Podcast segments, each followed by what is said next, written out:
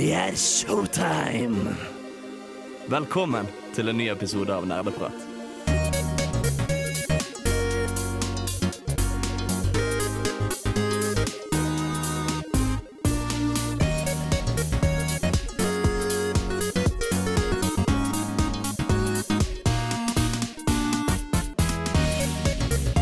Mine damer og herrer, velkommen tilbake til endelig en ny episode av Nerdprat. Vi er tilbake, vi er sterkere enn noen gang, vi har ladet opp masse, masse energi. Som også kom i form av at vi har begynt med totimesending igjen. Som er veldig gøy. Jeg er veldig veldig glad for å være tilbake. Det har skjedd veldig mye siden sist, og det er derfor denne sendingen her er en siden sist-sending. Jeg er da programleder Trym Håkon Sundby. Med meg har jeg Hei. Og Bård. Ja, så dette skal bli ganske koselig. Vi skal eh, ha ganske mye om hva vi har gjort siden sist. Eh, men jeg tenker vi kan starte med en liten låt først. Vi skal høre Joska med 'Born in Cash'. Halla, snupper. Vil du være med og høre på nerdprat, eller? OK, her kommer vi! Da var vi tilbake. Eh, der fikk dere høre 'Born in Cash' av Juska, og vi skal nå høre litt hva vi har gjort siden sist. Vi har bestemt oss for å dedikere ekstra tid til hva vi har gjort siden sist denne sendingen, fordi mange av oss har spilt veldig mye. Og derfor tenker vi å starte med den som har spilt minst av oss, altså Anna. Jeg føler meg called out. Ja. Men det er sant, da. Jeg, jeg var jo jeg hjemme i Østlandet på ferien, borte fra Trondheim. Og jeg tok ikke med meg PlayStation min. Jeg hadde med Switchen, men jeg tror jeg brukte den sånn to ganger. Men jeg spilte en del før det, da, for jeg dro ikke ned rett etter eksamen. liksom. Det jeg har spilt og kost meg med, eh, har vært blant annet eh, et par av utvidelsene til Control. Oh, ja. blant annet The Foundation. Eh, Og For de som ikke vet det, så er Control et spill utgitt av Remedy, et finsk selskap, som er satt i et fiktivt sci-fi mystisk-aktig univers, hvor du spiller som ei dame som heter Jesse Jessie Faden, som finner et bygg hvor det skjer mye rart. For å ha en veldig kort og ikke-spoiler-oppsummering. Eh, og den utgivelsen, den eh, utvidelsen uh, The Foundation, den er bare fantastisk. Jeg føler at Remedy virkelig leverer med control, med gameplay, med grafikk, med settingen. Det bare drar meg veldig inn, da. Så det har jeg kost meg med. Jeg har spilt Dragon Age Inquisition, okay. som er et gammelt spill nå. Mens jeg Gammelt og gammelt. Det er fortsatt det nyeste Dragon Age-spillet, da. jo, men ok da, Jeg føler at i spillverden så er mer enn tre år gammelt det er sånn Det er gammelt. Si det til alle de som fortsatt Ja. spiller Skyrim. Og du, jeg er blant dem, så ikke, jeg skal ikke disse noen. Hvor gammelt er Skyrim, Anna? Det kom ut 11.11.2011, så nå er det ni år gammelt. Snart. Ja. Snart. Si det til alle de som fortsatt spiller Super Mario 64. Ja. Nei, ok, det er ingenting i veien med gamle spill. Jeg bare mente at jeg håper at EA kommer ut med Dragon Age 4 snart. Fordi jeg har blitt veldig investert i hele denne fantastiske fantasy-settingen. Men jeg har et spørsmål. Er det en sammenheng i historie mellom alle spillene, eller er de helt uavhengige? Det er en sammenhengende, det er samme univers, det er samme law, det bygger liksom historier på hverandre, men du spiller jo en ulik karakter i hvert eneste spill. da. Kan du velge å fortsette, eller må du starte på nytt på hvert spill? Eh, Du kan velge å bygge videre på historie som du har spilt gjennom i de tidligere spillene. Så da kan du for eksempel enten bare starte med blanke ark i default-verden, eller du kan si OK, i de forrige spillene så skjedde dette, dette da jeg spilte. Jeg importerer det inn i dette spillet. Og da kan du virkelig få en veldig sammenhengende følelse da, mellom spillene. Og det elsker jeg, og det gleder jeg meg veldig til. Hvis forhåpentligvis at jeg kommer med et nytt Dragon Age-spill. Hmm. Vi har ikke hørt så veldig mye fra dem ennå. Det har vært litt turbulent, det der. Nei, det, Inquisition fikk jo også veldig gode review scores, så det er jo litt Ja. merkelig å tenke seg at de ikke har kommet med noe nytt ennå. Det er jo et veldig elsket univers. Det er jo også de samme, det er BioWare da også, eh, som også utviklet Mass Effect. Og de er veldig kjent for å ha for det meste solide RPG-er, hvor du kan gjøre valg og roleplaye og ha companions og hele skiten. Er det BioWare som også lager Mass Effect? Eller lagde Mass Effect? Ja. Mm. Hvor det siste bare floppa totalt? Men var det de det som var- lagde Andromeda? Nei, nei der Nei? var det eh, noen andre som plutselig var involvert, og jeg vil ikke snakke om det. OK, greit. Forståelig. Spørsmål der, Har ikke BioWare blitt lagt ned av EA? Jeg tror det. Jeg lurer på det. Hæ? Vent. Fordi Hæ? Andromeda floppa ganske hardt, tror jeg. Sånn ekstremt hardt. Nå knuser dere hjertet mitt med noen få ord. Vær så snill. Jeg tror ikke de er lagt ned. Jeg tror bare De, det de har fortsatt en nettside, og Ja, det er, ifølge Wikipedia så eksisterer de fortsatt. De fins. Hallo, hva er Ja, det? ok. Du må ikke skremme Ja, jeg- meg sånn. Jeg jeg trodde jeg hadde hørt at det ble Jeg, lagt ned. det kan hende at der, Ja, jeg leste noe lignende, men det kan hende at de bare har fått beskjed om at dere ikke får typ noen kontrakter, eller hva man skal Eller si. at de bare er stille fordi de jobber med et eller annet. Ja. Ja, det som har vært, har vært at det er mange av de senior-utviklerne og sånn som har forlatt selskapet etter hvert, fordi det har jo eksistert i mange år, og folk går videre. Ja. Så det kan være noe med det, da.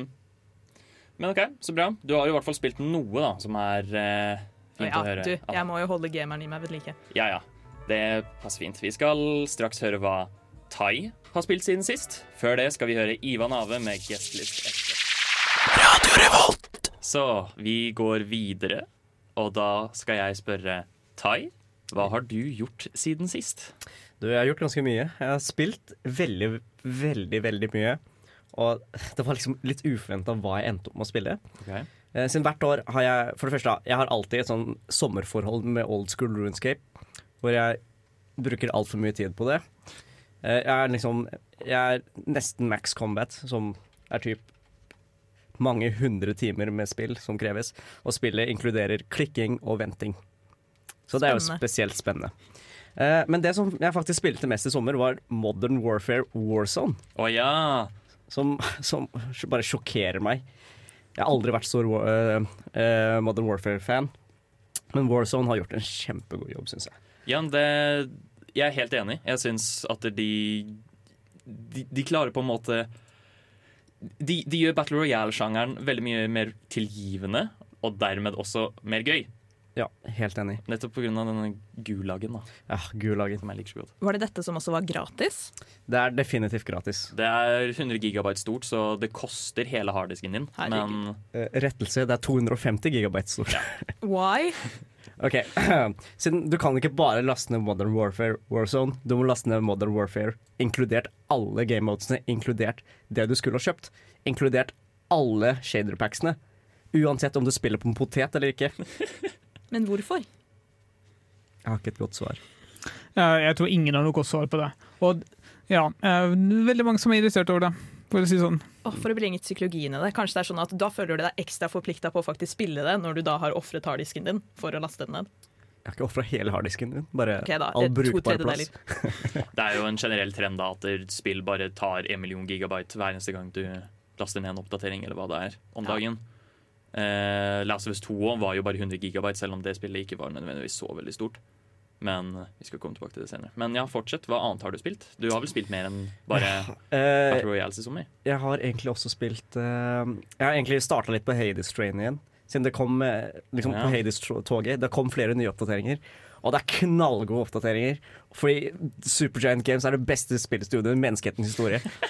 Ikke betalt. Dette sier jeg frivillig. Nei, jeg er så glad i dem. De, de gjør en knallgod jobb. Er historien ferdig nå? Historien er fortsatt ikke ferdig. Jeg trodde den var ferdig, men de har, eh, de har lagt til litt mer som backstory. Så nå får jeg vite litt mer eh, hva som skjer. Eh, jeg, jeg har funnet Ja, Uh, jeg, jeg, sorry, jeg, det var ikke meningen å avbryte. Jeg Nei, bare lurte på, Er det noe sted når du da sitter og koser deg med dette, du kan gi feedback til utviklerne? det er det definitivt. Det er bygd inn i spillet at jeg bare kan trykke på en knapp, og så gir jeg feedback til akkurat dette. Okay. Bygd inn i spillet, til og med? Ja, Siden det er jo beta. da. Det er ganske vanlig. Er det? Mm. Ja. Ja, det var ikke jeg klar over. Nei, men jeg, jeg fucka litt opp, da, siden den ene gangen kom en siste boss. Det var kjempevanskelig å komme meg dit, og så trykker jeg på knappen. Men Det, det stopper tydeligvis spillet ditt. Å oh ja, du får ikke spilt videre etterpå? Eh, man får jo det, da, men jeg visste ikke det, så jeg måtte lukke det ned. Og det var skikkelig lei meg. Det var en liten ting. Eh, nei, men eh, det var jo all me. Eh, jeg, har jeg har fått funnet ut konsekvensen av min, mitt eh, homoseksuelle forhold med Uh, hva, hva heter det? Okay. Han derre Jeg skal ikke spoile, men det går an å Ja. ha et homoseksuelt forhold der. Uh, det var ekstremt med uhell, men tydeligvis så skjedde det.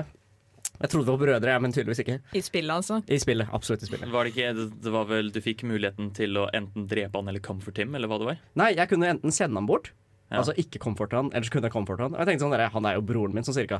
Så dette må jo Og gå det fint. Det var ikke broren broren min. Jeg håper ikke det var broren min. Stebroren, det Ja. går bra. Hæ? Nei, men uh, i hvert fall. Uh, nå er vi gode venner, og han kommer innom og hjelper en gang iblant mens vi slåss. Det er kjempegøy. Det er utrolig hyggelig. Mm. Det, Ah, Anna.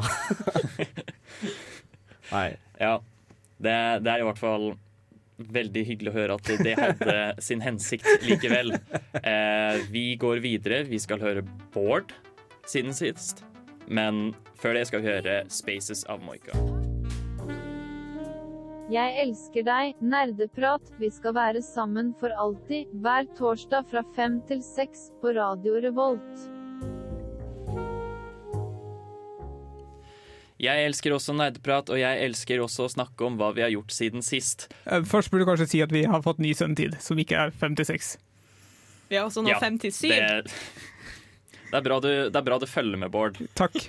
Eh, og når vi snakker om Bård Overganger. Eh, når vi snakker om Bård, hva har du gjort siden sist? Uh, jeg har spilt uh, veldig mye forskjellig. Men Ikke så mye forskjellig. Jeg har spilt veldig mye av et spill som jeg skal snakke om eh, litt senere, og så spilt litt diverse av andre småspill. Uh, av de diverse andre småspillene så har jeg spilt litt Monster Hunter igjen, som vi har pratet om før.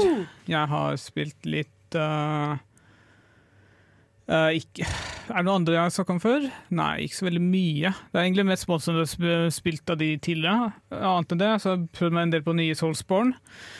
The Surge har jeg vært innom. Først oh, ja, ja. The Surge 2, og så fant du ut at å, jeg vet, da historien fortsetter The Surge, og jeg kjøpte også The Surge 1. Så da har jeg starta så vidt på The Surge 1. Hva, hva slags spill er The Surge?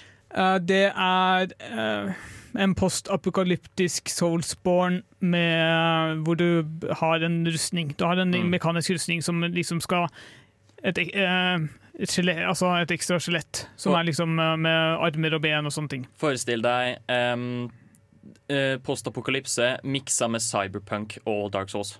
Ja. Og så kan du bytte ut Du kan eksempel ha en type hode og en type arm, og så har de forskjellig eh, beskyttelse, forskjellig smidighet og sånne ting. Så det, det er veldig bra. Uh, virkelig veldig bra. Uh, toeren er litt mer finpussa enn eneren. Eneren er visstnok bedre historie, har ikke kommet så langt Ja, inn. For jeg, jeg husker jeg spilte eneren, og så klikka det ikke helt for meg. Jeg fant det ikke like engasjerende som jeg egentlig burde. Det har, det har klikka for meg. Jeg bare ble litt stuck på en boss, og så divergerte jeg til et annet spill, som Ja. jeg som ofte gjør. Er det vanskelig? Uh, ja og nei. Uh, jeg vet ikke helt hvilken vanskelig jeg skal, sette det. Så det er lignende Souls. Uh, cirka det samme som Souls, men de spillene har jo også i forskjellig vanskelighetsgrad. Så det er vanskelig å putte den liksom nøyaktig et sted der.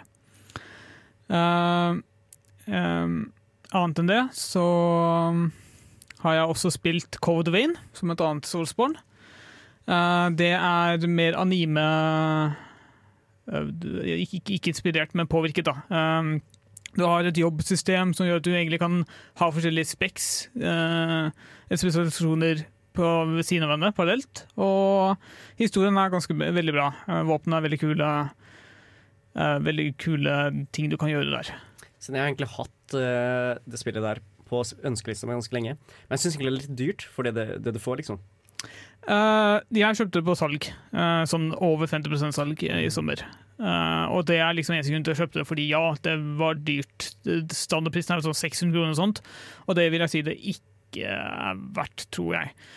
Jeg føler ikke at Spillet virker ikke så veldig langt. Jeg begynner å nærme slutten på det nå. Jeg burde bare få inn siste dødsstøtet.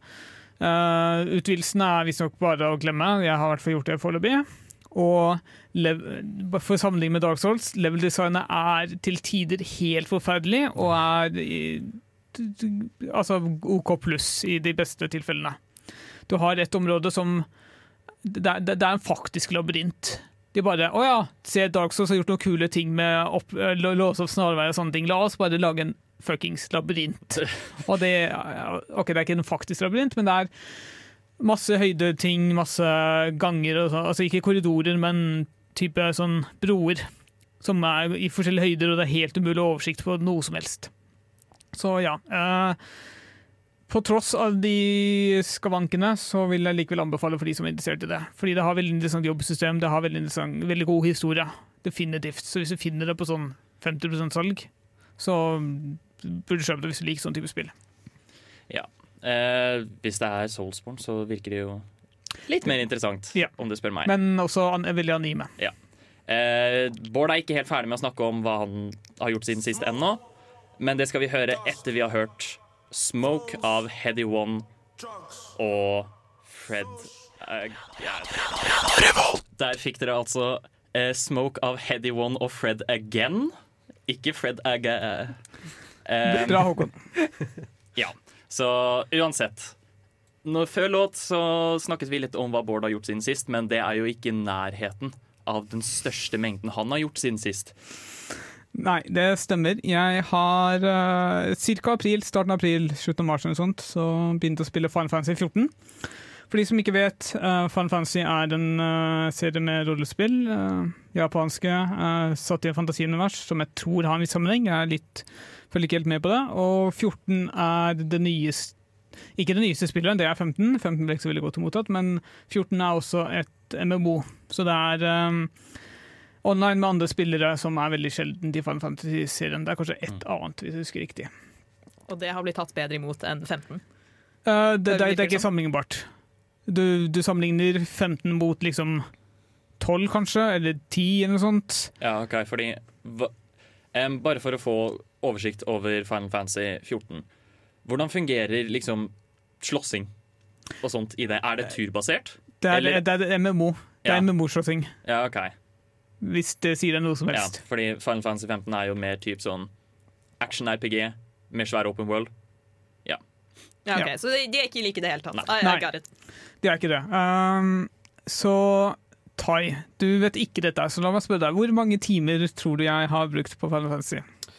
OK, du har spilt siden mars? Uh, la oss si 1. april. Jeg tror det er ca. da jeg starta. La oss si uh, 120 timer. Og deg? Jeg så du, feil? du må telle dager. Å ja! Jeg Åh. har, eh, jeg har bikka sånn 50 døgn. Åh, Så altså 24 timer ganger 50. Ja. så tusen og noe.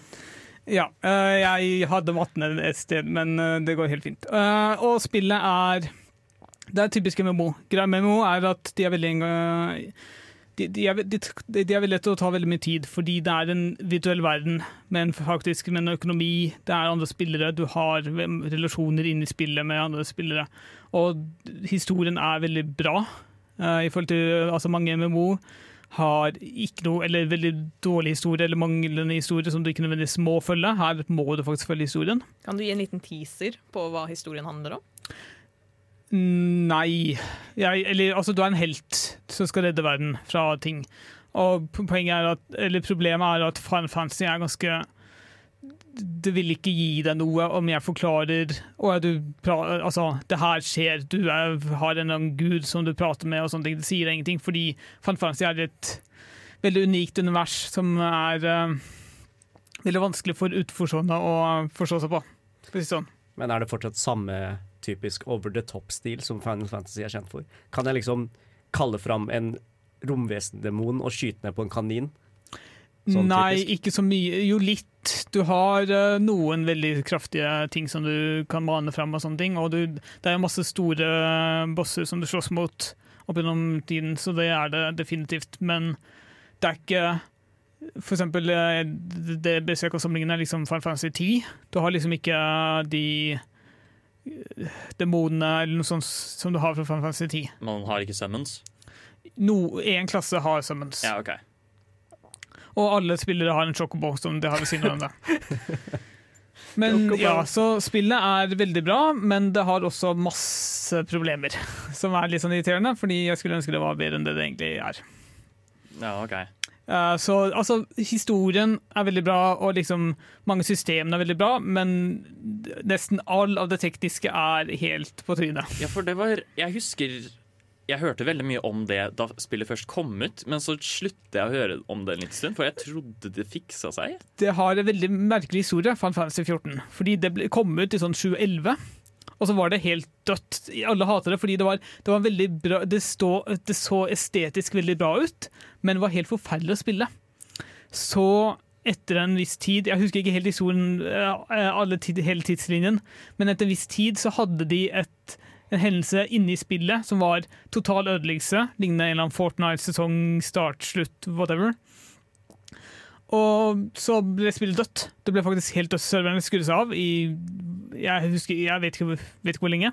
Og så starta opp igjen da, med A Realm Reborn, som var da i 2014. Og etter det har det da gått ganske stødig. OK. Det, Hei, det er jo faktisk en litt kreativ måte Ja. å gjøre det på. Og visstnok så, de, så, så er det noen som fortsatt henger igjen fra liksom de aller første tidlige spillet, og som fortsatt spiller, og som ja, har aktive kontoer. Men hvordan holder grafikken seg? Sånn Seks år senere. Uh, jeg legger ikke så veldig mye merke til det der. Det med Mo, det må kunne det, det, Jeg tror de droppa PlayStation 3-støtte sånn i fjor, så det, de, de kan liksom ikke kreve det aller meste av uh, grafikken, men det ser greit nok ut det med Mo. Du, du skal liksom kunne støtte å ha 100 stykker i en sone. Og du har jo jevnlig uh, gjør du innhold med 24, nei, 23 andre spillere. Mm. Eller kanskje til og med 71 andre spillere. Og da må du liksom ha mulighet til å se dem. Mm. OK. Så burde sjekke Men du anbefaler det likevel, selv om du ikke er helt Ja, fornøyd altså hvis du Du liker har jo spilt det hvis du, veldig mye. hvis du liker Eller altså problemet med Mo er jo at du har, det er veldig lett å investere mye tid. Men Hvis du liker det å ha et eventuell verden hvor du kan logge inn og bare henge, og bare følge en ganske, veldig god historie, og ha et veldig, veldig gode spillere rundt deg, veldig snille spillere rundt deg, så er det absolutt verdt å sjekke det. Det kom en ny patch nå på tirsdag eh, som gjorde at du kan prøve veldig mye gratis. Så veldig da mye. er det brått det tiden å sjekke det ut akkurat nå. Eller på tirsdag, da. Eh, nå skal vi høre en liten låt fra Final Fantasy 14. Her får du 'Penons Aloft' av Novo UMA. Nerdeprat på Radio Revolt. Nå er det endelig tid til å snakke om meg. Nå får jeg lov til å snakke hva jeg har spilt siden sist. Og dette har jeg gledet meg masse til. Eh, Jeg har hatt en veldig veldig produktiv sommer. Fordi, og blitt veldig mye lykkeligere fordi jeg tok det store avgjørelsen av å avinstallere League of Legends. Veldig bra. Gratulerer. Ja. Hvordan føles det? Tusen takk.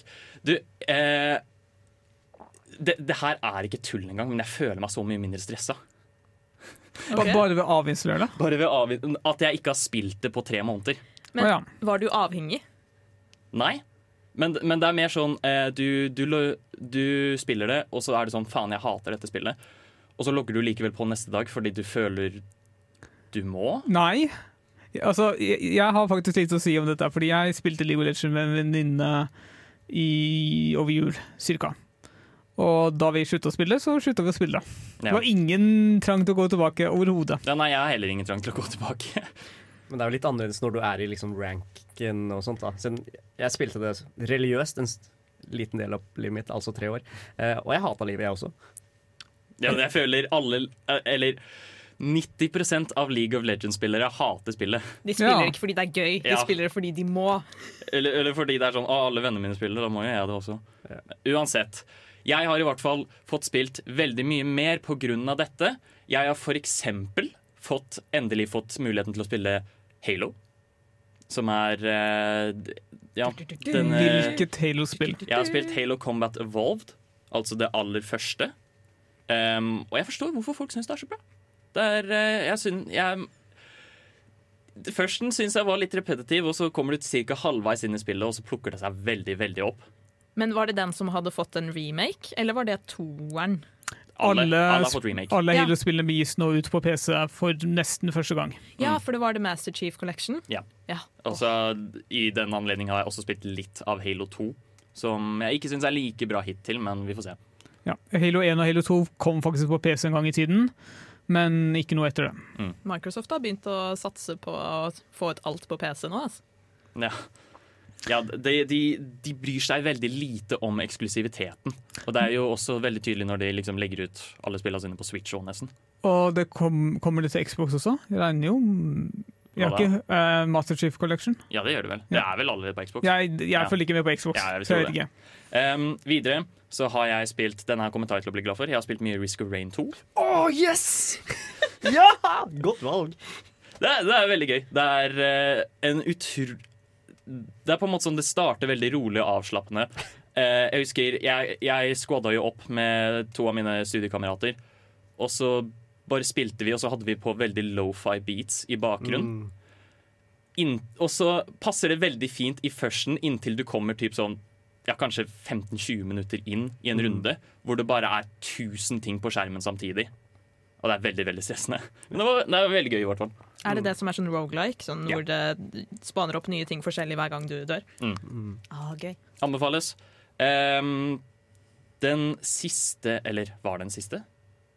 Jeg hadde, eller jo, den siste jeg ville nevne, er at der, i det siste nå så har jeg spilt veldig mye av uh, Battle Royale Fall Guys.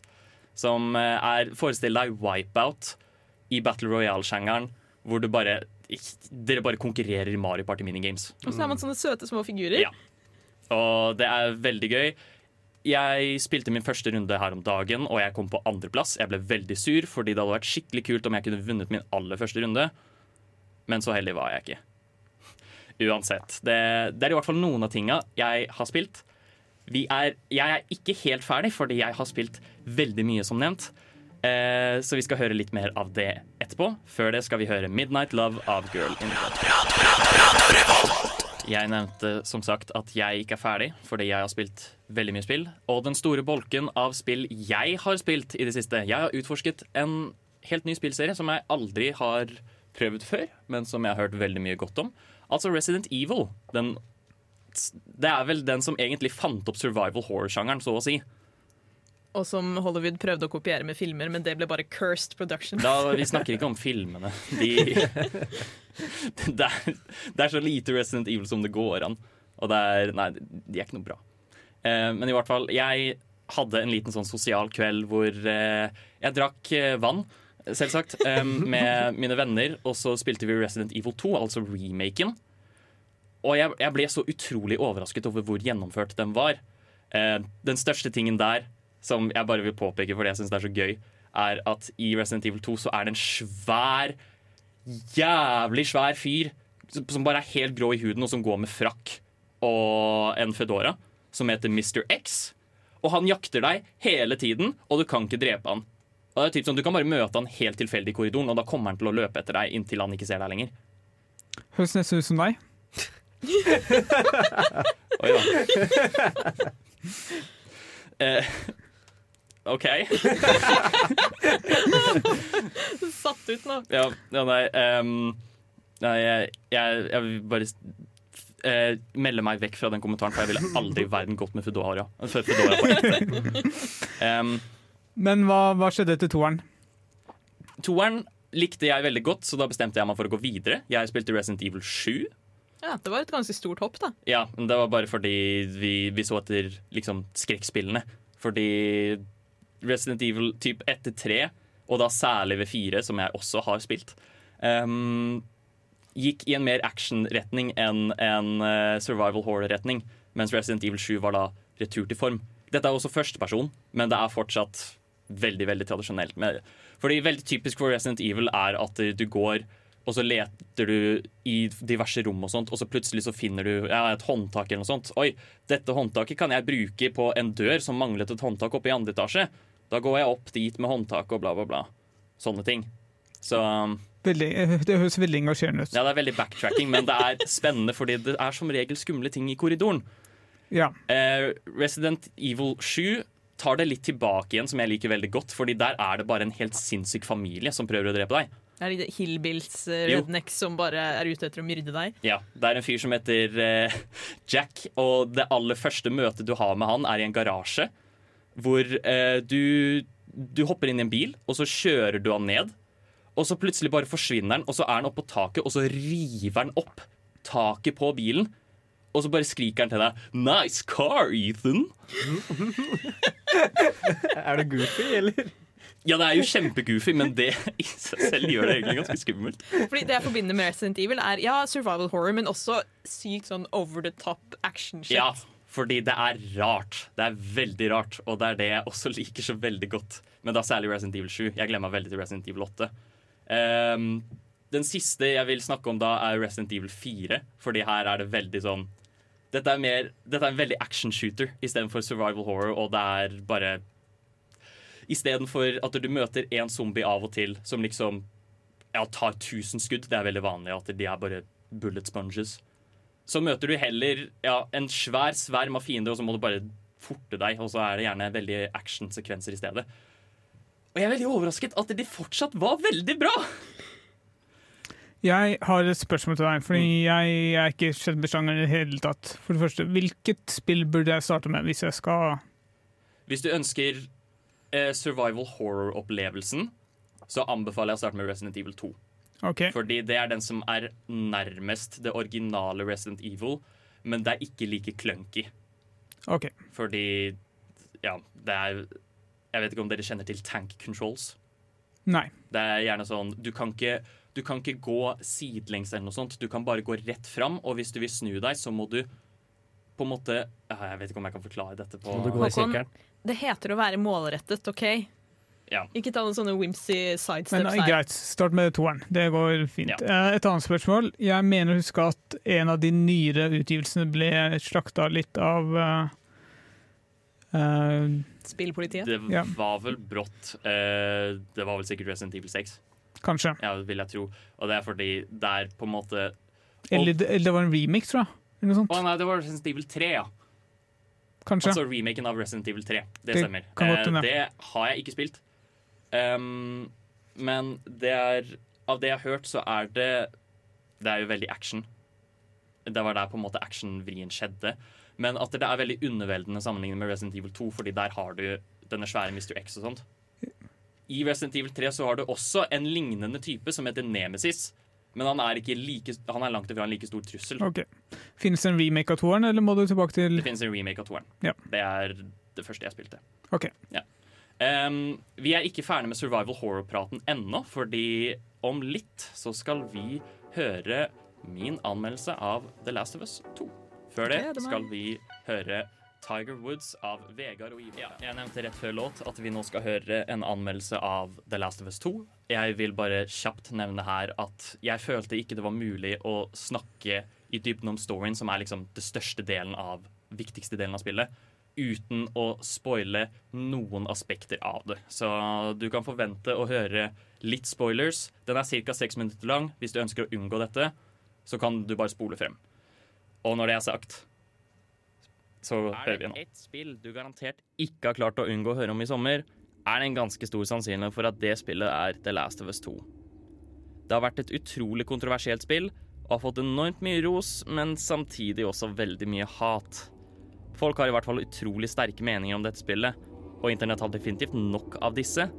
Så da er det naturligvis også tid for enda en ny person til å fortelle sin opphøyde mening om spillet, og komme med hva som egentlig er riktig svar. Jeg skal da altså prøve å svare på spørsmålet Har Naughty Dog kastet perler for svin med The Last of Us 2, eller er det faktisk så dårlig som man skal ha det til? Kanskje er det også den ukomfortable sannheten at folk liker forskjellige ting av forskjellige grunner. Nei, nei, nei, det går ikke. Subjektivitet finnes jo ikke. Hva er det du snakker om? Advarsel. Denne anmeldelsen kommer til å inneholde noen viktige spoilers fra The Last of Us Part 2. I'm gonna find. And I'm gonna kill.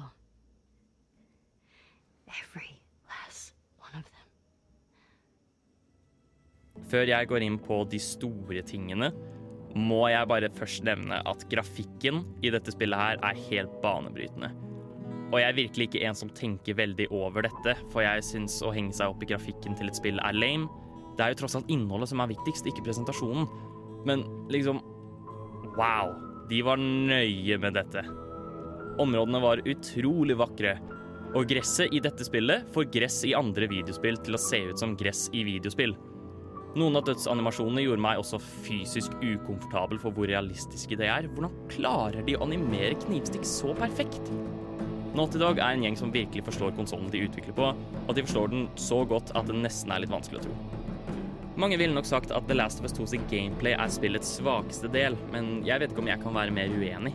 Jeg elsket gameplayet. For det meste, i hvert fall. Jeg spilte på den vanskeligste vanskelighetsgraden, altså Survivor, og dette er i min mening den autentiske Last of Us-opplevelsen. Den typiske gameplay-loopen til Last of Us 2 er combat encounters med enten zombier eller mennesker, eller begge, og deretter puzzles og å se etter materiale og ammo. Looting-aspektet er jeg helt likegyldig til, men combaten var veldig, veldig gøy. På overflaten er det ikke så veldig dypt, og det er lett å komme seg inn i, da det er veldig tradisjonelle skytecontrols og ganske gjenkjennbare stealth-mekanikker. Naughty Dog følger her det jeg liker å kalle hide and seek gameplay, altså at du tar ut så mange du kan før noen oppdager deg, du blir oppdaget, du skyter et par, du løper og gjemmer deg igjen, repeat. Denne rytmen klikket for meg overraskende godt, men der combaten virkelig skinner, er i fiendedesignet og level-designet. Fiendene i dette spillet, og da særlig menneskene, føles ut som ja, mennesker, levende vesener. AI-en er såpass uforutsigbar at du kan restarte et nivå og gå gjennom dette nivået på helt lik måte, og menneskene kommer til å oppføre seg helt annerledes. Level-designet òg er såpass stort og kompleks at du kunne gjort et nivå på 100 forskjellige måter med de ressursene og våpnene du har gitt, og sånn syns jeg er veldig kult. Alle disse faktorene skaper en type gameplay som tvinger deg til å tilpasse deg og gjøre mange avgjørelser på kort tid. Men dette er jo ikke grunnen til at folk er sur på The Last of Us Part 2, det er jo selvsagt storyen.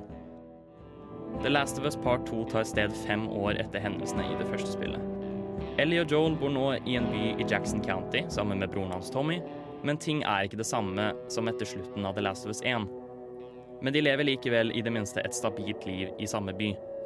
Vi får også samtidig møte en annen karakter, Abby, som vi ikke vet så veldig mye om. Og hvem hun er, er ikke så veldig viktig for oss helt enda, men det hun gjør, setter hele handlingen i spill.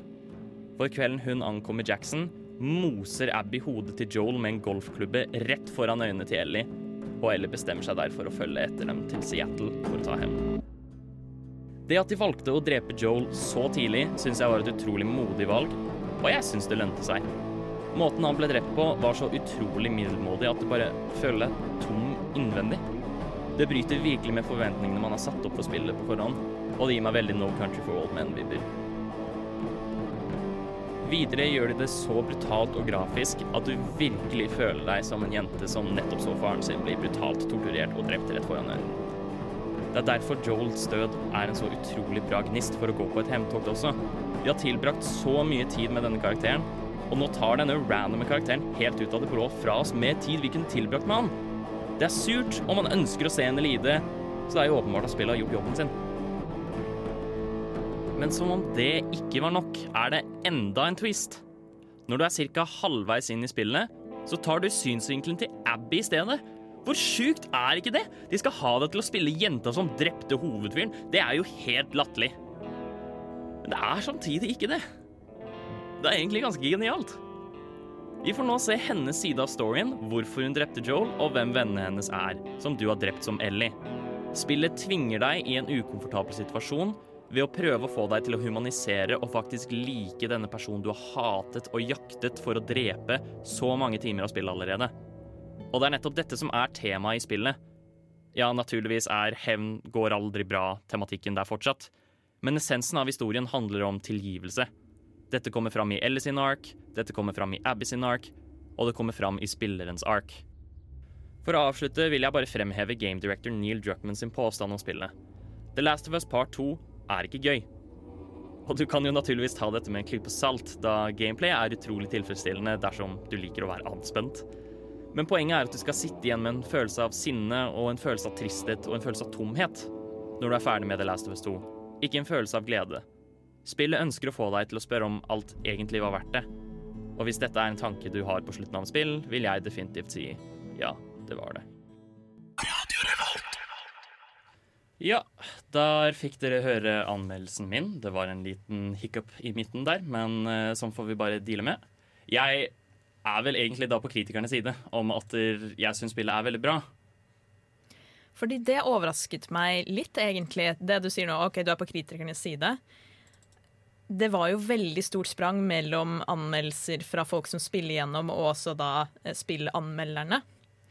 Mm. Helt på starten, i hvert fall. Jeg vet Ja. ikke om det endra seg nå. Men det skapte så mye kontroverser, hele dette spillet, før det ble gitt ut, til og med. Så lika de jo scener fra spillet og handlingsdetaljer Mm. rundt noe av det du nevnte i anmeldelsen. Så ikke noe spoilere. Men Så du endte opp med å like det, altså? Ja. Eh, jeg husker jeg, jeg mener jo at hele dette spillet bærer eller brister, avhengig av nettopp dette, da, om du kommer til å like dette faktumet. Det er det som skjer i spillet. Og jeg forstår veldig godt hvorfor folk ikke var så veldig, veldig fornøyd med hvordan det ble. Men jeg, jeg synes det, for meg personlig så fungerte det veldig bra. Så det høres litt ut som, For meg så virker det som at det som gjør at mange hater det, er at man kanskje har blitt for knytta til karakterene. Ja. For det er jo karakterene som The Last of Us det første spillet Ja. var kjent for, og forholdet mellom dem. Tingen er at de, de, de, som har spilt, de som spiller The Last of Us 2, og som ikke liker det, eh, i hvert fall veldig mange av de, av det jeg har sett, de tar det veldig personlig. De blir på en måte litt fornærmet at deres favorittkarakter dør på en slik måte. Mm. Um, og derfor blir det litt sånn sur stemning, og da er det automatisk sånn Nei, jeg liker ikke dette spillet. Um, og det er jo selvsagt greit, det er ikke alle som er der, men jeg mener jo at det, det er det spillet prøvde å gjøre. Det prøvde å gjøre deg sur og irritert og bare Ja, ville gå på hevntokt, akkurat sånn som du gjør i spillet. Ja. Det, det er store motivasjonen for hele handlinga. Hvor mange tror du bare skrudde av spillet da det skjedde? Ja, ikke så mange. Nei. Og det, og det er fordi Men jeg tror de sk kanskje skrudde av spillet når de kom halvveis, og det skjer karakterbytte. OK. Ja, for det var også en annen ganske modig avgjørelse av utviklerne. Å gjøre noe så kontroversielt. da, Det med at du faktisk får se effekten av dine handlinger som Ellie fra et annet perspektiv. Mm. Det Ja, jeg er helt enig i det. Og det er eh, Eller det, jeg, jeg rakk ikke å nevne så mye ting som jeg ikke likte i anmeldelsen, men eh, det var en av de tinga, og det er at jeg føler det punktet, akkurat det punktet, hadde fungert litt bedre dersom karakterene hadde vært skrevet bedre. Ja. Fordi de er litt sånn Litt mursteinvegger, nesten. Eh, de har ikke så enormt mye personlighet. Ok, fordi som eh, han eh, Neil, oh, Neil heter- Druckmann. Druck- Druckmann sa, det er ikke et morsomt spill. De burde kanskje hatt en litt mer sånn spark av, om ikke morsomme ting, men litt mer personlighet på begge sider. da. Ja. For du får jo se veldig mye fra Ellie sin side og hennes interaksjon med karakterer, men at det mangler kanskje litt på den andre siden du spiller som. Var det det du mente? Ja. Um, I hvert fall, de skal prøve å få deg til å føle sympati over de karakterene du har drept underveis i spillet, em, ved å flippe synsvinkelen. Men jeg, det fungerte ikke like godt for meg som eh, at Naughty Dog tvang meg til å føle med personen jeg ser historien fra nå. Så jeg føler en veldig stor kritikk som de rett, folk retta mot eh, Er det Abby hun het? Ja, Abby. Abby. Ja, det, jeg tror egentlig det var at du skulle, de mata deg veldig at nå skal du synes synd på henne. Ja, ah, men det er, jeg, jeg, jeg syns hun har en veldig veldig god story arc, og jeg har ikke lyst til å snakke så veldig mye om den. Men den jeg, jeg kan si det på den måten at den speiler veldig Last of Us 1.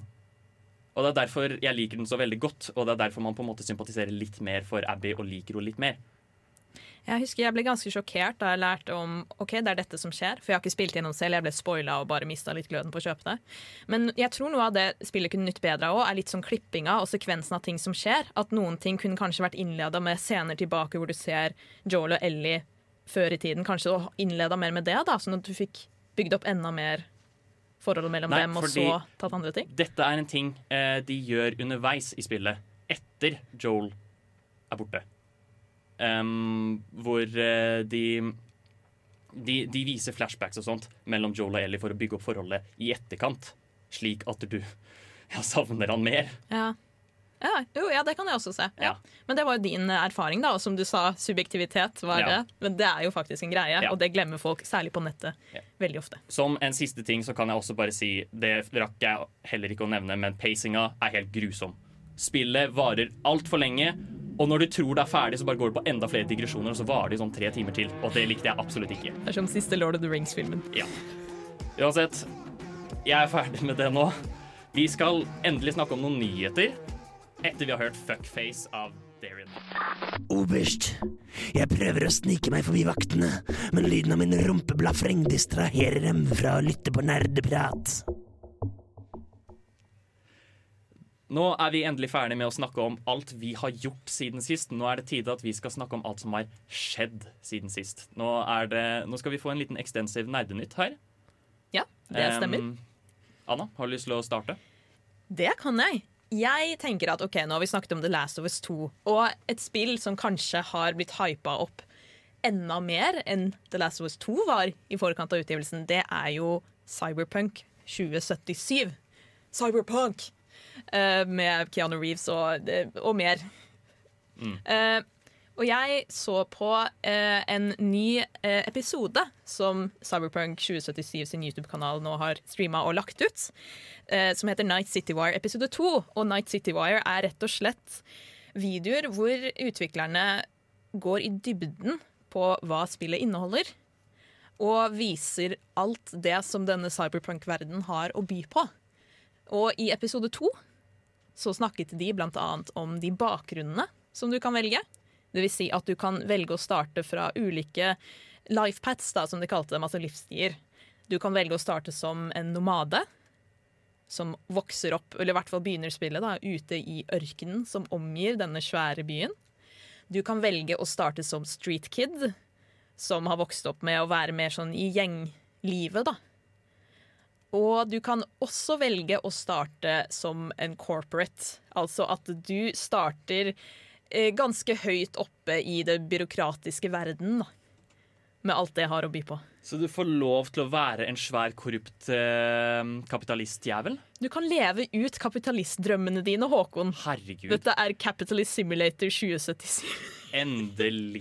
Nei, jeg, jeg, jeg tror du, du kommer til å møte på en del utfordringer og sånn der også, men det som jeg setter veldig pris på, da, det er at de utviklerne har nå designa en verden som ikke bare er så innholdsrik når det kommer til antallet NPC-er, eh, hva handlingen går ut på, hva du kan gjøre, men også det med at ok, de må også tenke på alt som skal være annerledes basert på hva slags karakter du velger å starte som. For eksempel noe av det de nevnte, da, er at ja, som eh, en corporate eh, så vil du ha innsikt i mer sånn høyere hva, hva, skal, hva skal jeg si da, sånn informasjon som vanligvis vil bli holdt utilgjengelig fra folk som ikke er inne i, i disse kanskje litt mer shady tingene som foregår. da. Eh, Men som en street kid så har du kanskje litt mer peiling på hvordan du skal komme deg ut av vanskelige situasjoner med andre gjenger. Du har forbindelser som andre karakterer ikke ville ha, osv. Så, videre. så det er veldig mye sånne detaljer som man får innblikk i i disse episodene. Så anbefaler jeg virkelig å se det. Altså. Det er veldig, veldig kult, med mindre man har lyst til å bare gå inn uten å se så mye av verden fra før av. En annen ting som de nevnte, er eh, at eh, de bl.a. blant annet har jo band og artister fra vår virkelige verden som jobber med spillet og lager fiktive band. Blant annet Refused, svensk sånn metal rockband, som spiller et eh, band som heter Samurai. Og litt om musikken der. uh, vil du nevne noe om eh, lanseringsdatoen også? Og eh, jeg vet at det kommer ut senere i år, så uh, 2020, folkens! Det blir ikke utsatt sånn som Halo. He, er du helt sikker? Eh, Det er i november, er det ikke? Er det 27. november? Nei. Jeg husker ikke eksakt dato, jeg husker bare at det skulle egentlig komme ut i september. Jeg caller det nå. Jeg tror det blir utsatt igjen. Eh, Jeg, jeg, vil trekke, jeg vil trekke en annen tråd mellom The Last of Us 2 og eh, Cyberpunk 2077. Jeg er veldig glad for, selv om jeg blir skuffa hver gang, at de flere ganger har sagt vet du hva, vi må utsette dette, vi vil levere et bra produkt. Fordi en annen kontrovers rundt The Last of Us 2 var at det var veldig mye crunching involvert. Det vil si at man presser Uh, ok, Kanskje ikke direkte presser, men at uh, arbeiderne må ha veldig lange og harde arbeidsdager med mye mer timer enn det som kanskje opprinnelig var planlagt, for å nå en viss dato. Uh, Google sier at datoen er nå 19. november. 19. november, ja. ja. Da blanda jeg med noe annet. Så det er ikke så veldig lenge til, dere. Snart så har vi det i sikte. Men du sa noe om Halo inni der. Halo? Ja, vet du hva? Det vil jeg komme tilbake til. Det var en siste ting jeg ville nevne om Cyberpunk først, og det er våpen. Eh, Det er ikke bare pistoler man kan ha i Cyberpunk. Du kan også ha modifiserte sånne armting. Du kan Hva er armting? Jeg gleder meg til armting. du vet sånn eh, det, og Hva heter det hvis du um, um, mister en arm, og så kan du sette på en sånn protese? Ja. Så hvis du, du kan modifisere armene dine da, til å for eksempel ha litt sånn derre uh, Mantis-aktig eh, kniver som stikker Så du har proteser. Proteser, Som ja. altså, Var det ikke hun ene i den ene traileren som hadde sånn? ja. At du besøker en som jobber med å lage sine modifikasjoner, og så kan du skaffe deg selv. Og det er veldig mye du kan customize, da, som en annen ting som jeg tror jeg kommer til å bruke like lang tid på som bare å spille spillet. Eh, eh, men i hvert fall våpen. Du har nærkontaktvåpen, du har en rekke ulike pistoler. Du har katanaer. Hallo, du kan spille gjennom å bruke en katana. Ja. Det er amazing. Er det bare én katana, eller mange forskjellige katana? Eller Det er sikkert så mange. Det, det ser ut som de bruker eh, en type sånn våpenkategorisering som er sånn common, uncommon, rare og legendary. ja, det er vel en RPG. Ja, ja Så- veldig RPG-standard. Men det er jo ikke alle RPG som har sånne ting. Dark Souls for Nei, eksempel har jo eh, ikke det. Nei, men Det vil i hvert fall være et ganske kjent system sånn sett. da. En liten detalj som virka kult, er at hvis du ser en karakter gå med et våpen, så er det sannsynligvis det du vil droppe. Fordi ofte så kan det være at du ser NPC-er som har våpen som bare er sånn OK, det der ser fett ut, og så dreper du dem, og så dropper de noe, og så er det ikke det du så for deg i det hele tatt. Så jeg krysser fingra for at du faktisk kan se at det du ser, er det du får, da. Så hva får vi som å drepe Anna, da? Eh, da får du dårlig samvittighet. Eh, du får fengselopphold. Eh, og mer. OK, Hvem vet. vet. Eh, vi er ikke helt ferdig enda med Nerdenytt. Vi har veldig mye å snakke om. Eh, men vi skal høre en liten låt først. Vi skal høre 'Pictures of Hockney'. Tst, tst.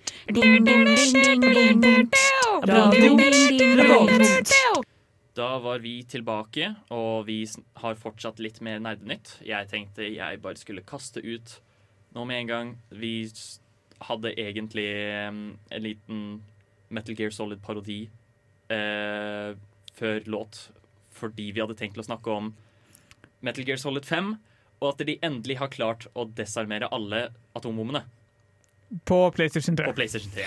Det er en veldig viktig tidbit Ja. der. Men eh, de det, Jeg vet ikke hvordan uttrykket går på norsk, men det er jo godeste The ends justify the means. ikke sant? Det spiller ingen rolle at vi har brukt PS3-en for å få det. Nå har vi endelig fått det. Men, men dette var jo et veldig stort mål lenge, fordi spillere fikk vite at hvis alle dere som spiller online, går sammen og finner Må man finne ulike baser hvor det er atomvåpen, og så bare desarmere de? Hvordan fungerer det egentlig? Jeg har ikke spilt altså, fredsspilldelen så mye, men jeg tipper det er sånn at du kan ha atomvåpen selv, og hvis bare hele verden klarer å bli enige om at ingen skal ha atomvåpen, enten ved å sabotere det eller ved å fjerne det selv, så blir det en lykkelig slutt. Så vent, Dere forteller meg at vi har en strategi for å fjerne atomvåpen i verden. Hvis vi bare får verdensledere til å sette seg ned og spille dette sammen, så kan vi klare det? Jeg, jeg tror ikke spillet hjelper noe på det. Nei. Jeg tror det er det, det, det, hver enkelt spiller som må finne ut at jeg har ikke lyst til atomvåpen. Så mye som vi skulle ønske det, så løser ikke videospill alle verdens problemer. Jeg vet ikke hva du snakker om. Ennå. Ennå. Men det skal også sies at uh, det dukket opp atomvåpen igjen med en gang etterpå. Ja, men Det er uh, nå, uh, Så vidt jeg leste, så var det en midlertidig seier. Men fikk de cutscene til å spille? Ja, fordi det var, Den hadde jo lika før for noen år siden, gjorde den ikke? Men det er en cutscene som når alle har fått til å desarmere disse våpnene, så spilles det en ganske lang video hvor det er sånne taler om fred og eh, ja, mer i Ja. ganske sånn grand Kojima-stil. Mm. Det er, jeg er ikke helt sikker på hvordan den ser ut. Jeg har ikke sett den selv enda Men anbefaler alle å gå hjem og se den, fordi det er jo Det her er et stort minnesmerke. Jeg vet ikke. Eller enda bedre, bare start opp din PlayStation 3, uh, start Play, uh, Metal Gear Solid 5, og så kan du se den inne i spillet. Ja. Eller det. Det er nesten litt bedre. Uh, jeg vil også kjapt snakke om at uh, apropos Kojima, um, Death Stranding har kommet til PC over sommeren. Ja. Så for de som ikke har en PlayStation til å spille Vent, da kom det til Xbox også. De som kun har PC, har nå også muligheten til å spille det. Nå har du den unike muligheten til å gå tur i et spill når du ikke har hatt mulighet til å gjøre det i sommer like mye som du Ja. ville. Du kan snuble over steiner, du kan falle i bekker, eh, du kan ha en baby. Håkon, du er veldig glad i babyer, ikke sant? Mm, Um. Nå kan du øve deg på å bli forelder. Nei. Men hadde ikke du, sp du hadde Jeg spilt har det? ikke spilt Death Stranding. Du hadde ikke spilt det? Death Stranding, Nei. Nei. Uh, jeg, jeg, var, jeg var veldig engasjert i konseptet og likte veldig godt mystikken rundt det hele, men uh, da jeg så hvordan det spiltes, så ble jeg ikke så veldig keen lenger, fordi det var jo walking simulator. Mm.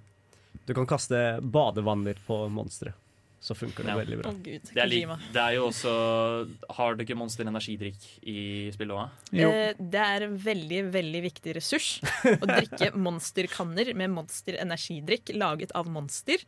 Så du kan føle deg som et monster når du slåss mot ekte monstre. Det er det jeg kan relatere mest til, egentlig, fordi jeg drikker så mye hvit monster at det hjelper. It makes you feel like a gamer. Em, uansett, vi kan vel gå videre til neste. Eh, tenker det er verdt å nevne at Vi snakka om Risk of Rain 2 i stad. Det er endelig ute av Early Access. Det er vel offisielt lansert nå, vel? Ja, Mm. stemmer. Så ja, det er gøy. Eh, Det kom en visstnok en del endringer. Jeg har fått med alle sammen. Det er jo ganske, med Early Access er det en veldig smidig overgang fra liksom, Early Access til lansering, men det er en milepæl. Mm. Men er dette et spill som er verdt å spille alene? Sånn, Jeg har ikke en gaming-PC, jeg har en Switch, og det er der. Men er det gøy å spille alene også? Uh, jeg har egentlig spilt Risk of Rain 2 mest alene. Men rett og slett fordi det tar så mye tid. Og som regel når du spør noen om å spille Risk of Rain 2, så forventer du at du setter av en time av tida. Minst en time til to timer av tida si, liksom. Så er det ikke sånn hoppe inn, hoppe ut. Er det mye? Det er ganske mye. Uh, Du mener at du ikke spiller i 53 døgn, Tai? Jævla pleb. nei da. Men det er eh, det, Du setter av ganske mye tid, altså. for Men det er mye bedre å spille sammen. Så Mm. det jeg heller vil anbefale deg, prøv å se om PC-en din kan kjøre det nå. Vent til du har en bedre PC, og så bare sier du til oss Hei, nå har jeg endelig fått Marie Scorain 2, vi kan spille det en kveld. Mm. Da setter man av en kveld til å spille, og så rekker man å spille noen ganger. Ja, men nå må jeg velge gaming-PC eller PS5. Det, det er ikke noe valg. Det burde du vite allerede. Why not both? Penger, Tai, eh, det er et konsept som vi eh, i den kapitalistiske verdenen vår må leve med. Ja, nei, Vi snakka om dette under låt, men det, er, det, det lette svaret som sagt er jo enten å bli TikTok-berømt eller få seg OnlyFans. Jeg hater TikTok. Jeg vil bare ha wines. Da har du ikke vært, da er det ikke på riktig side av TikTok. Men hvis man har lyst til å følge eh, Onlyfansen dine, Håkon, hva gjør man da? Em, den, er, den er ikke helt klar ennå, okay, så jeg må nesten skuffe dere litt der. Mm. Um, ja. Hva, hva, hva, hva er det du prøver å si, Jeg Håkon? mista tråden. Halo. Eh, Vi kan kjapt nevne at Halo Infinite har blitt utsatt til neste år. Eller noe Til sånt? neste år. 2021, som er ganske vag dato, men de prøver vel å oppdatere grafikken så den faktisk ser ut som den er i tråd med neste generasjons konsoller. det ser jo ut som et, X- det ser jo ut som et PS3 slash Xbox 360-spill som Oi. det er nå. Folk likte ikke det så veldig godt, og folk klagde. Og nå har de utsatt spillet. Ja. Det blir ikke en launch title for Xbox Series X. Som jeg tror kan være et ganske heavy slag mot uh, konsollsalget. Det tror jeg jo. Jeg, jeg er uenig. Hvordan? Vi, vi kan, vi kan snakke om det ta etter låt. Vi kan ta det etter låt. Ja. eh, nå skal vi høre 'Pressure' av Amanda Tenfjord. Vi plukker opp tråden rett fra der vi var før låt. Bård, du mente at det ikke er et slag i magen for Xbox å utsette Halo. Hvorfor det? Ja, det er mulig jeg er for uh, forhåpningsfull, men jeg vil jo tenke at en ny konsoll vil gi deg bedre grafikk på eksisterende spill. Folk har allerede begynt å tenke på at Xbox, den nye Xboxen kommer, den nye PlayStation kommer, og har i hvert fall kjørt spillet på det og har liksom muligheten til å ha bedre grafikk på de spill, samme spillene. Så om Halo er, kommer noen måneder etterpå, så vil du fortsatt kjøpe en ny konsoll for å få bedre grafikk. Og spillet kommer uansett til å bli lansert for den gamle konsollen uansett. Så det er liksom ikke Jeg tror ikke det er så mye forskjell. Forskjellen var da spill kun kom til PlayStation 4, og ikke til PlayStation 3, for eksempel. Ja. Ja, den, den tiden er vi forbi, Ja. heldigvis. Jeg kan for så vidt være enig. Det kommer jo fortsatt Det, det er jo det samme ta, Kan jo ta Switchen og Animal Crossing som eksempel. At der, uh, Animal Crossing har jo kommet veldig veldig lenge etter Switch. Uh, Switchen ble lansert, men det har jo fått rekordmange selgertall nå bare pga. At Ja. har Og Switch har liksom ikke noe bakoverkompatibilitet å skilte med, Ja. så der har du det akkurat det eksempelet. Men for PlayStation og Xbox, som har bakoverkompatibilitet fra og med nå, så har det ikke så veldig mye å si. mm, Det kan jo også hende at Microsoft nå bare satser enda mer på PC. Det gjør det jo også, definitivt. Jeg skulle, det skulle ikke forundret meg om flere av Microsoft sine spill kom til PC etter hvert, men jeg tror Halo Infinite forblir på Xbox en god stund. Men tingen med Microsoft-spill er at hvis du bruker eh, Xbox Play Pass? Noe Game. Pass. Game Pass, takk. Eh, kan du egentlig spille det meste av Xbox-spill på Mm. PC nå. Var det ikke noe sånn syk deal med at hvis du har det passet, så får du veldig mye spill inkludert i prisen? Jo. Ja, Det er en abonneringstjeneste hvor du Det er en type Netflix for spill. Du Ja. har muligheten til å spille dem mens du abonnerer. Det føler jeg at folk ikke tar seriøst nok. Det med at liksom, vet Du hva, du trenger ikke å måtte betale sykt mye for hvert eneste spill hvis du har det abonnementet her. Nei, nei, folk er veldig veldig fornøyd med Xbox GamePass. Ja. Det er bare ikke så mange som har Xbox. Ok, så ja, ok. Så folk ser at det er en god ting, det er bare ikke at folk nok ser at det er en god ting. Ja, egentlig. Fordi jeg skulle i hvert fall håpe at, at hvis PlayStation og Nintendo følger etter der, så hadde det jo bare vært amazing Mm. for lommene våre. Eh, altså lommebøkene våre. Jeg har en kjapp uh, saksopplysning. Jeg søkte opp Halo Infinite, og den har allerede en side på Steam. Så den oh, ja. kommer mest sannsynlig samtidig på PC. Ok, Så PC kommer kanskje til å være det de satser kanskje mer Altså, på en jeg, Xbox. jeg tror de har gått bort fra eks eksklusivitet og har heller gått mer over på i, i, i folks spill der de vil ha det. Fordi det, Xbox er mer eller mindre samme plattform som PC akkurat nå. Jeg liker veldig godt den tankegangen. Ja, Jeg jeg også. Um, Ja, Nå har vi snakket en del om Xbox. Hva om vi går over til Sony? De har jo nylig hatt State of Play. Sony, my love. Jo da, de har hatt en eh, State of Play, som da er deres uh, nye streaming-svar på etere, hvor de bare ganske ofte er- med jevne mellomrom har oppdateringer. Det er en kopi av Nintendo Direct. Jo, men det funker bra. Det er bare at folk har forventninger om at hver gang de annonserer ting, så skal det være E3-nivåer, fordi den like-dislike-ration på den nyeste episoden. Ja. Uansett, de hadde en eh, State of Play-video 6. august, hvor de annet viste Crash Bandicoot 4, som kommer ut senere i år. Så den så veldig gøy ut. Jeg føler at jeg sier det med altfor mye overraskelse i stemmen min, men jeg har ikke så mye erfaring med Crash Bandicoot, og jeg fikk veldig lyst til å bare hoppe inn i det nå. Crash Bandicoot er sånn Jeg er veldig glad i den originale trilogien. Uh, fordi, og det er fordi de er så simple. Det er veldig sånn standard plattformer, uh, korridorplattformer. Og jeg syns det er nok. Jeg syns det er veldig gøy. Og en veldig passende vanskelighetsgrad. Veldig passende vanskelighetsgrad. Det er utfordrende. Men i hvert fall det ser ut som beholdt mye av det, og også lagt til bare mye ekstra gøye ting. da. For jeg fikk litt den følelsen at vet du hva, det her er sånne spill jeg forbinder med PlayStation 2. Sånn plattformer-moro. Mm. Så det er en ting å, å holde øye med. En annen ting er at de annonserte en remake av Braid, som er et ganske ikonisk Braid, indiespill. Ja, det er et indiespill eh, som er kjent for det med at du kan eh, hoppe tilbake i tid, da. Styre tiden sånn at du kan gjøre ting på nytt igjen og kontrollere litt sånn gameplay på den måten. Og det får da en remake. Det er laget av Number One, som utviklerne heter. Mm. Eh, så hvis man liker indiespill eller har spilt Braid før, så er det bare å glede seg til det. Eh, en, en kontrovers som eh, må nevnes, er at de også viste et spill som heter Eon Must Die, utviklet av Limestone Games. Men i etterkant så har det kommet fram informasjon om, eh, altså fra noen av utviklerne sin side om at her er det noen korrupte CEO-er, folk har ikke fått betalt for arbeidet sitt. Det kan være noe IP som har stjålet, altså intellectual property. At det er brukt noe som ikke egentlig lovlig skal kunne brukes, fordi det egentlig ikke eies av de eh, som da skal publisere spillet. Da. Eh, og det er veldig synd, fordi Ian Must Die Jeg vet ikke om dere har sett uh, treeren for det. Det var et veldig gøy sceneut spill, sånn beat them up. Type du bare slår rundt deg så hardt du kan. Eh, Sidescroller, blanding av 2D og 3D. Litt sånn steampunk-aktig, eller cyberpunk-aktig, jeg vet ikke hva jeg skal kalle det. Men det er mye kontroverser her, i hvert fall. Og dessverre en annen kontrovers, som traff meg i hjertet hardere, var at eh, det ble annonsert at for Control, altså spillet jeg snakket Ja. om tidligere, av uttrykket av Remedy, så skal det komme en Ultimate Edition til sånn eh, 40 dollar. Og den inkluderer også at du da får muligheten til å spille det på neste generasjons konsoller-. Problemet er at OK, du får en pakke her som inneholder alt av hovedspillet, DLC-er og sånn, men folk som allerede har kjøpt spillet, enten det er en digital uh, deluxe edition eller annet, de får ikke denne muligheten. Så folk som allerede har kjøpt spillet, må da muligens kjøpe spillet på nytt igjen. For å kunne få muligheten til å spille det på uh, flere generasjoners konsoller, da. Og folk er ganske skuffa. Ja, det er veldig skummy. Sånn egentlig. Men jeg vet ikke om det da er Jeg tror egentlig ikke det er Remedy, jeg tror det er utgiverne. For man skiller mellom utvikler og utgivere. Ja. Og det er vel five of Hva heter de? Oh. I hvert fall da, ikke skyld eh, på Remedy nødvendigvis med en gang. Det kan hende at de ikke har hatt noe å si her. Nei.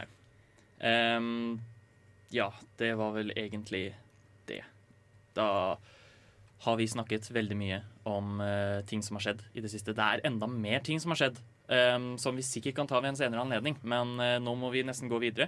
Eh, vi skal eh, ha noen anbefalinger fra oss om ikke så lenge. Før det skal vi høre 'Woman' av Marvel. Nå er det tide at vi skal høre noen anbefalinger fra oss for, uh, av ting vi har spilt i det siste. Jeg tenker at jeg skal starte med her nå, fordi jeg vil bare påpeke at det er jo semesterstart nå. Forelesning begynner straks igjen, eh, relativt som normalt. Men eh, er det én ting som endrer, ikke endrer seg, så er det at av og til så kan disse forelesningene bli litt kjedelige. Og det er derfor eh, jeg har tatt anledningen i å finne et par spill som bare er helt perfekte å spille i forelesning, fordi de er subtile nok til at ingen legger merke til det. Men de er også gøy nok til at det, det er en god distraksjon. Tenker du nå fysisk oppmøteforelesning eller digital forelesning? Det fungerer for begge. Ok. Ja, det er viktig å ha valgmuligheten. Mm. Så, og her vil jeg da gjerne Jeg vet ikke hvordan jeg skal snakke om dette på en lett måte, men jeg har uh, spilt Baba Is You. Mm. Mhm. Som uh, er et veldig veldig gøy spill hvor du har I hvert nivå så har du på en måte eh, spesifikke regler. Det, vil, det kan f.eks. være Baba is you, eller Rock is win, f.eks. Um, det vil altså si at hvis du kommer deg til steinen, så har du vunnet. Men du kan bytte på ordene på reglene, slik at du f.eks. Ja, kan bytte sånn at det Baba is win. Og da har du plutselig vunnet. Hvordan bytter du disse ordene? Ja, de er fysiske, du kan flytte dem rundt. De er fysiske objekter. Altså, det var et veldig dårlig eksempel, men eh, det er typ hvordan spillet fungerer. Ja. Du bare bytter om på reglene hele tiden. Ah, så det er sånn top down, og så bare ser du masse ord, og du beveger deg rundt, og så kan du bare dytte de på plass. Ja. Mm. Uh. Det er veldig kreativt, veldig gøy. Um, Og sikkert ikke så dyrt nå. nei, det Jeg tror ikke det koster mer enn en hundrelapp, og det er ofte på salg på Ja. Steam. Så anbefaler å sjekke det ut. Eh, jeg har jo en veldig stor kjærlighet for indie games. Jeg, jeg vet ikke om jeg har nevnt det før til dere. Um, vet da, tror det. Eh, men eh, for eksempel syns jeg Monster Train er jo kjempeinteressant. Det er jo à la Det er veldig inspirert av Slay Slade Aspire, så det er jo sånn deckbuilder, uh, rogelike, som du kan eh, spille om og om igjen da, og ha det skikkelig gøy. Eh, det er også et sånn type spill som Eh, spille, det er noe som heter Ascension der, da. Du kan tenke deg hva det er, men du kan spille om og om igjen med vanskeligere.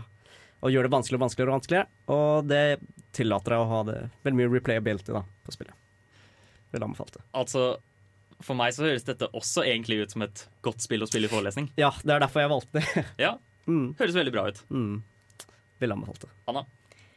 Eh, det er ikke så bra å spille i forelesning, men hvis dere liker sushi, så har jeg good news, fordi nå kan dere spille Ghost of Sushi Ma. Eh, på diverse konsoller. Ok, Det er ingenting med sushi å gjøre annet enn det er satt i Japan. Det er et lenge etterlengta og hypa spill fra Sucker Punch, utviklerne bak blant annet um, og, eh, Sly Cooper Sly Cooper, ja. Tusen takk. Og Infamous-spillene. Infamous, som jeg ikke har spilt.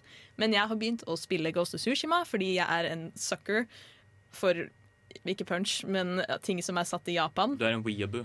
Ikke kall meg ut sånn for en OK. Eh, jeg liker settingen veldig godt. Det er en RPG slash action-spill eh, hvor du skal spille en samurai som heter Jin. Som eh, må basically prøve å hjelpe folk på denne øya på å slåss tilbake mot en invasjon fra uh, mongolene. Som er ledet av en khan. Ikke Djengis Khan, men en av hans etterkommere. Og det er et så tilfredsstillende spill når det kommer til combaten, som er veldig mye timingbasert, med parrying eller bare unnadykking og eh, mye taktisk der. Du kan velge spillestil, om du vil være en eh, ærefull samurai eller en litt mer sneaky bastard. Og det ser fantastisk ut. Det er, det er så vakkert, denne gammeldagse settingen i Japan med blomsterblader her og sjøutsikt der og vind som du følger for å nå målene dine. Så jeg skal ikke si noe mer, men bare spill Ghost of Tsushima. Anbefales. Bård? Jeg har eh, litt forskjellig å anbefale. Um, for det som tar litt mer tid, Fall Fantasy 14, et fantastisk MMO-RPG, hvis du er på jakt etter noe du virkelig kan fordype deg i. For noe litt lettere, et spill jeg har prøvd den siste uken, eller sånt, er Graveyard Keeper, som er eh, litt lignende Story Valley, men litt mer RBG-basert. litt mer morbid. Veldig interessant. Jeg storkoser meg foreløpig. Og eh, et siste som jeg prøvde å spille i natt for første gang. Uh, Gunfire Reborn, tror jeg det heter. Som er en slags rogelight Borderlands-spill. Uh, type Åh. Hvis du har hørt om Immortal Redneck eller Tower of Guns, eh, og også for så vidt Risk Rain, så er det ganske likt det. Uh, som bølgebasert, drepe alle fiender du kan se, og så prøver du å få en progresjon til du kommer til en boss. Hva, Men med sa du det het? Borderlands-grafikk. Gunfire Reborn. Gunfire Reborn. Det er fortsatt ganske tidlig utvikling. Det er kun to folk som kan spille som. Litt begrenset med våpen og sånne ting, men fortsatt interessant. Ja, det syns jeg hørtes spennende ut. Skal jeg Kanskje vi, kanskje vi skal sjekke ut det. Ja. Eh, der fikk vi høre noen av anbefalingene våre. Vi skal eh, høre hva vi ser fram til dette semesteret her, etter vi har hørt 'Skutti' av Henrik Felipe. Hva er det du liker best ved studentradioen? Jeg hører alltid på studentradioen. Vi har jo startet et helt nytt semester, og derfor er det naturligvis greit å spørre folk om det er noe spes de ser fram til dette semesteret her. Og nå er det jo egentlig ikke så mye på horisonten. Ikke som vi vet om, i hvert fall. Jeg har masse på min horisont. Ja, men kjør, da. Eh, For det første, jeg gleder meg masse til flere sendinger, eh, så klart. Ah. mm. men OK, jeg, jeg, jeg, lurte det litt, fordi jeg definerer min egen horisont som min backlog. Ja, okay. Så det jeg har planlagt, Fortsett fortsette på Graveyard Keeper, fortsette på Gunfire Reborn. Kanskje ta en pause fordi det er fortsatt under utvikling. Og så har jeg Code Vein, blir ferdig med det.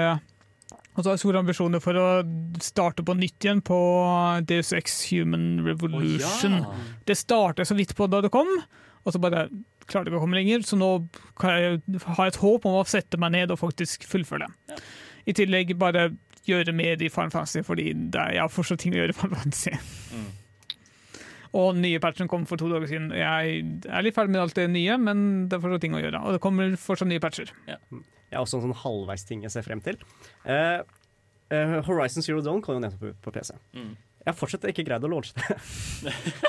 Så jeg ser frem til første store oppdatering til Horizon Zero Dawn, slik jeg endelig kan spille det. Ja, for du er jo ikke alene om å ha hatt det problemet. Uh, nei, dessverre.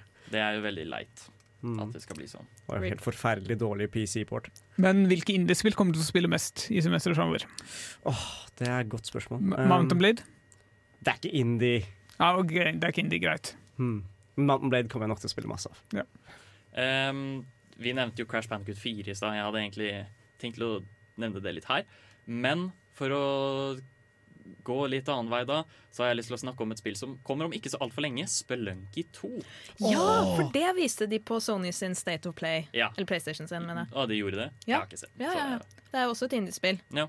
Um, det er uh, det er en ekstremt brutal rogelike ehm, hvor du Ja, du driver og hva, Jeg vet ikke. Jeg Utforsker, ikke Utforsker dungeons Utforsker, og sånn. takk. Utforsker huler. Mm. Men hvorfor kom det her på Sony sin State of Play? Er ikke det her PC in the game? Nei, det skal komme ut til PS4.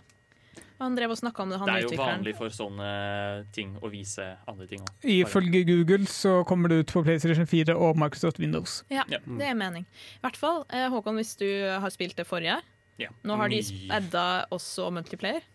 Ja, Både det- det- online og lokal. Jeg har, spilt, eh, jeg har spilt veldig mye multiplayer med venner på Spelunky. Jeg syns det er kjempegøy. Så vidt jeg kan se, så har det ingen dato. Det anbefaler å sjekke ut Spelunky. Det er heller ikke så dyrt. Men også sjekk ut Spelunky 2 når det kommer. Mm. Har du noe du ser fram til, Anna? Cyberpunk. Eh, og så gleder jeg meg til å se hva prisen på PS5 kommer til å være. Og med glede meg så mener jeg jeg kommer til å sitte og gråte salte studenttårer og se på den halvtomme lommeboka mi. Så du ser egentlig fram til å spare penger til PlayStation 5? Nei, jeg vil ha den. Jeg syns den er fin. Jeg syns ikke den ser ut som hva er det folk har sammenligna designet med. En, eh, en uh... Kjøleskap? Wifi-ruter. Nei, det er, det er Xbox. Ja, Det er. Wifi-ruter. Jeg syns det er fin. OK? Don't mock my child. Jeg skjønner ikke hva det er med gamer og kanter. Hvorfor må alt ha kanter? Fordi det er edgy. Ja. ja, ja. Der fikk du i hvert fall et par ting som eh, vi ser fram til dette semesteret her. Eh, vi er straks ferdig med dagens sending, så, men før det skal dere høre Dream Palette med Yvestue. Incoming!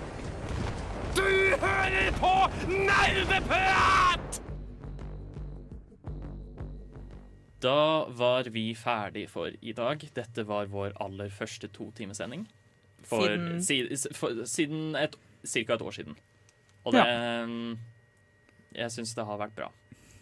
Da, det var egentlig det jeg hadde å si. Jeg syns også det har vært veldig bra. Hæ? God tid, gode spill, godt Ja, selskap også, faktisk. Og så er vi kanskje litt mer strukturerte neste gang. Litt mer strukturerte. Det, men, men det er lov. Det, det er lov å være Det har vært litt- ferie. Ja, tross alt. Jeg tenkte også bare kunne kaste ut veldig kjapt, bare som en liten skuffelse. Bård informerte oss under låt at Spelunky 2 kommer ikke til PC med en gang. Det kommer først til eh, PS4 den 15. september, og så kommer det til PC senere for å fikse multiplayer. Uh, det rett, altså det sto sånn 'shortly after', så jeg vet ikke hvor mye, hvor mye forsinket det er, men bitte litt. Ja. Men det var i hvert fall alt vi hadde. Jeg har vært Håkon. Tai. Anna. Og Bård. Og vi ses neste gang. Her får dere Brooklyn Bridge to Chorus av The Strokes. Anna. Du har lyttet til en podkast på Radio Revolt, studentradioen i Trondheim. Sjekk ut flere programmer på radiorevolt.no.